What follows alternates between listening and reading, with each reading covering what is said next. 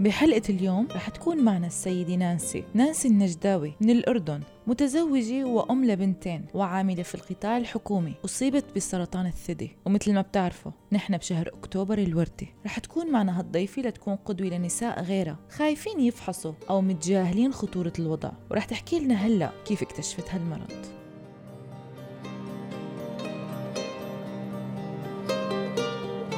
بالصدفة البحتة. كنت رايحة على طب الأسرة وكنت طالبة من الدكتورة تعمل لي فحوصات شاملة. كوني كنت بحث بتعب وإرهاق عام في كل جسمي. عملت لي كامل الفحوصات المطلوبة وبالإضافة طلبت نعمل الماموجرام. وأنا صراحة لما حكت لي ماموجرام حكيت لها إنه ليش بدي أعمله؟ يعني كوني مش حاسة بأعراض ولا حاسة بأي شيء أو أي تغيير على جسمي. فحكت لا يعني بما إنك أنت صرتي فوق الأربعين لازم تعملي. وعملته. من بعد ما عملته يعني مباشرة بصورة الماموجرام بين إنه عندي ورم حجمه؟ 4 سم فانطلب مني إني أرجع أعيد الماموجرام مرة ثانية وأعمل ultrasound بعديها مباشرة بنفس الأسبوع دخلت عملت خزعة. بعد بأسبوع طلعت النتيجة بإني أنا آه، مصابة بورم في الثدي. حجمه 4 سم بلشت من هون رحلة العلاج.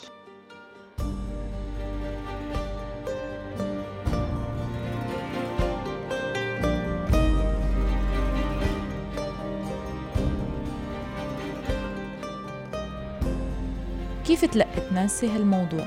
شو كان رد فعلها؟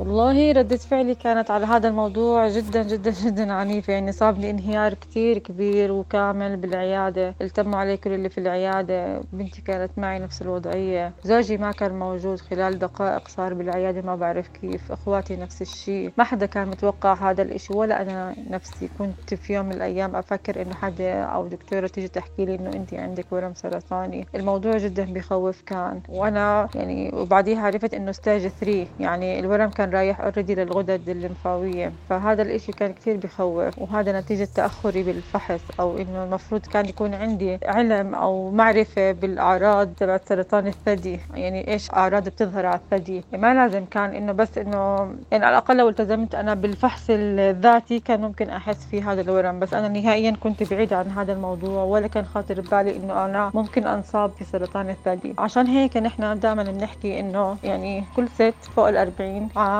تروح تتوجه وتفحص على الأقل مرة كل سنة أو ست أشهر حسب ما هي شو بيقررها الطبيب. والفحص الذاتي شهريا يعني أنت تتبعي الفحص الذاتي شهريا واقرأي وابحثي عن علامات اللي بتبين على الثدي لو صار في أي ورم. لازم كل ست تنتبه لشكل ثدي لو على المراية يعني احفظي شكل الثدي عندك. حتى لو صار أي تغيير تكوني أنت واعية له.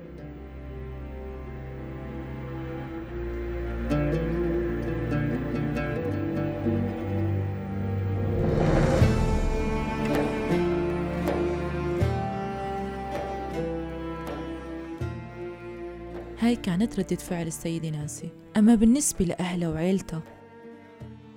كنت أكتر إشي خايفة كيف بدي أخبر آه، والدي ووالدتي. كيف بدي أحكي لهم؟ كيف بدي أخبرهم؟ يعني عندي في البيت زوجي وبناتي already آه، كانوا يعني عايشين معي لحظة بلحظة من لما رحت أعمل الفحص لغاية ما تلقيت بالنتيجة يعني. بس كان أصعب إشي علي كيف بدي أخبر والدي ووالدتي.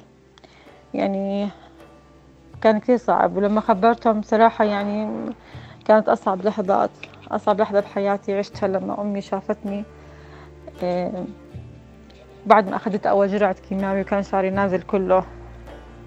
هاي اللحظة ما بنساها طول عمري كيف شافتني وكيف نظرة عيونها وكيف خافت كيف رجعت خطوات لورا لما شافتني. هذا الإشي مستحيل أنساه أنا.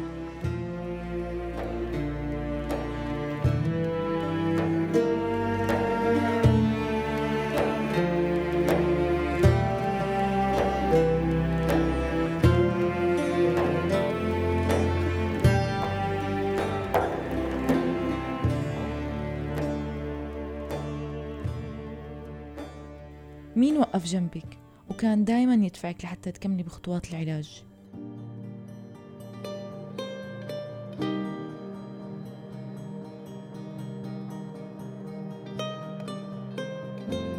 ما في أي مريض سرطاني يقدر يكفي لحاله أو يقدر يستحمل وجع المرض لحاله. بده ناس حواليه تدعمه وأكبر داعم دائما للإنسان هو أقرب حدا إله. أنا كنت استمديت قوتي من بناتي يعني كنت لما بطلع بعيونهم بحس إنه لا لازم أنا أتخطى هاي المرحلة. لازم أنا أتغلب على هاي المرحلة. لازم أنا أعيش وأعيش لهم لبناتي بدي أعيش معهم كل مرحلة بحياتهم. بدي أفرح لفرحهم وأزعل لزعلهم بدي أشوفهم مبسوطين ومرتاحين. وأكيد ما رح يكونوا مبسوطين ومرتاحين إلا لما أكون أنا مشافية معافية بيناتهم هذا كان دائما يعطيني قوة وأمل. بالإضافة عندي صديقات بتقلوا بالذهب يعني بتوزنوا بالذهب والله. قد ما إنه يعني في منهم تركوا يعني أشغالهم وضلوا معي. عندي إخوان وأخوات ما بنسى وقفتهم. يعني إلي أخت والله تركت بيتها. والله تركت بيتها أشهر. من الصبح لآخر النهار تضلها معي. تطلع معي على كل مراجعاتي تروح وتيجي معي على كل مرة لازم أزور فيها الدكتور. العلاج بالكيماوي كانت فترة منيحة ثمان جلسات هي وما كانت هينة أبدا. ما كانت هينة لولاهم لولا الداعمين حوالي نهائيا ما كنت بستحمل ولا بقدر أكمل نهائيا.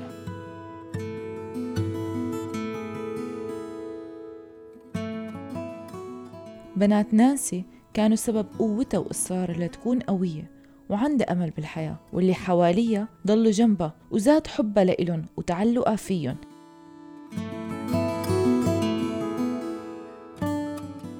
أما بالنسبة لجائحة كورونا كيف هالسيدة عم تحمي حالها من هالخطر؟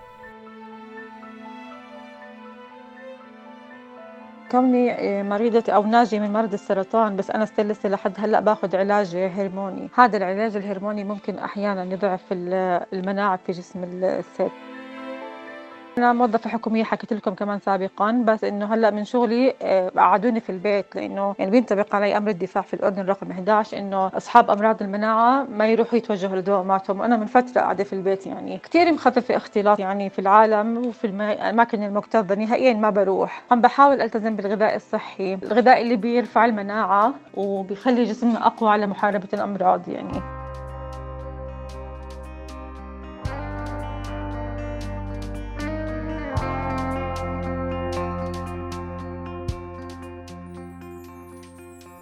وشو النصيحة اللي بتحبي تقدميها للنساء وتساهمي في توعيتهم للكشف المبكر؟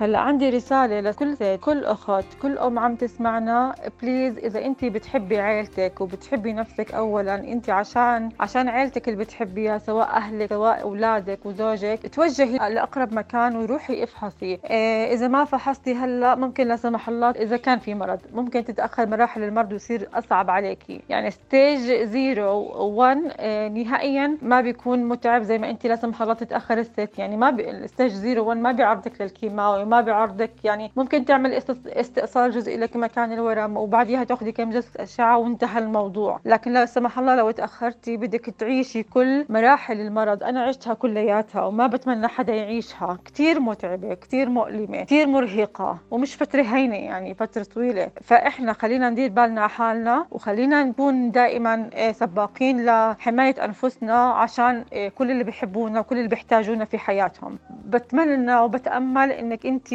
تكوني إنسانة واعية إنسانة مثقفة آه، إنسانة متفهمة وتعرف لكل مرض علاج ولا سمح الله المرض في مراحله الأولى نسبة العلاج فيه تكاد توصل 100% فعليا 98% فهي نسبة كثير كبيرة وكفيلة إنها تخليني أروح أفحص وأتوجه على أقرب مكان الفحص قريب مني.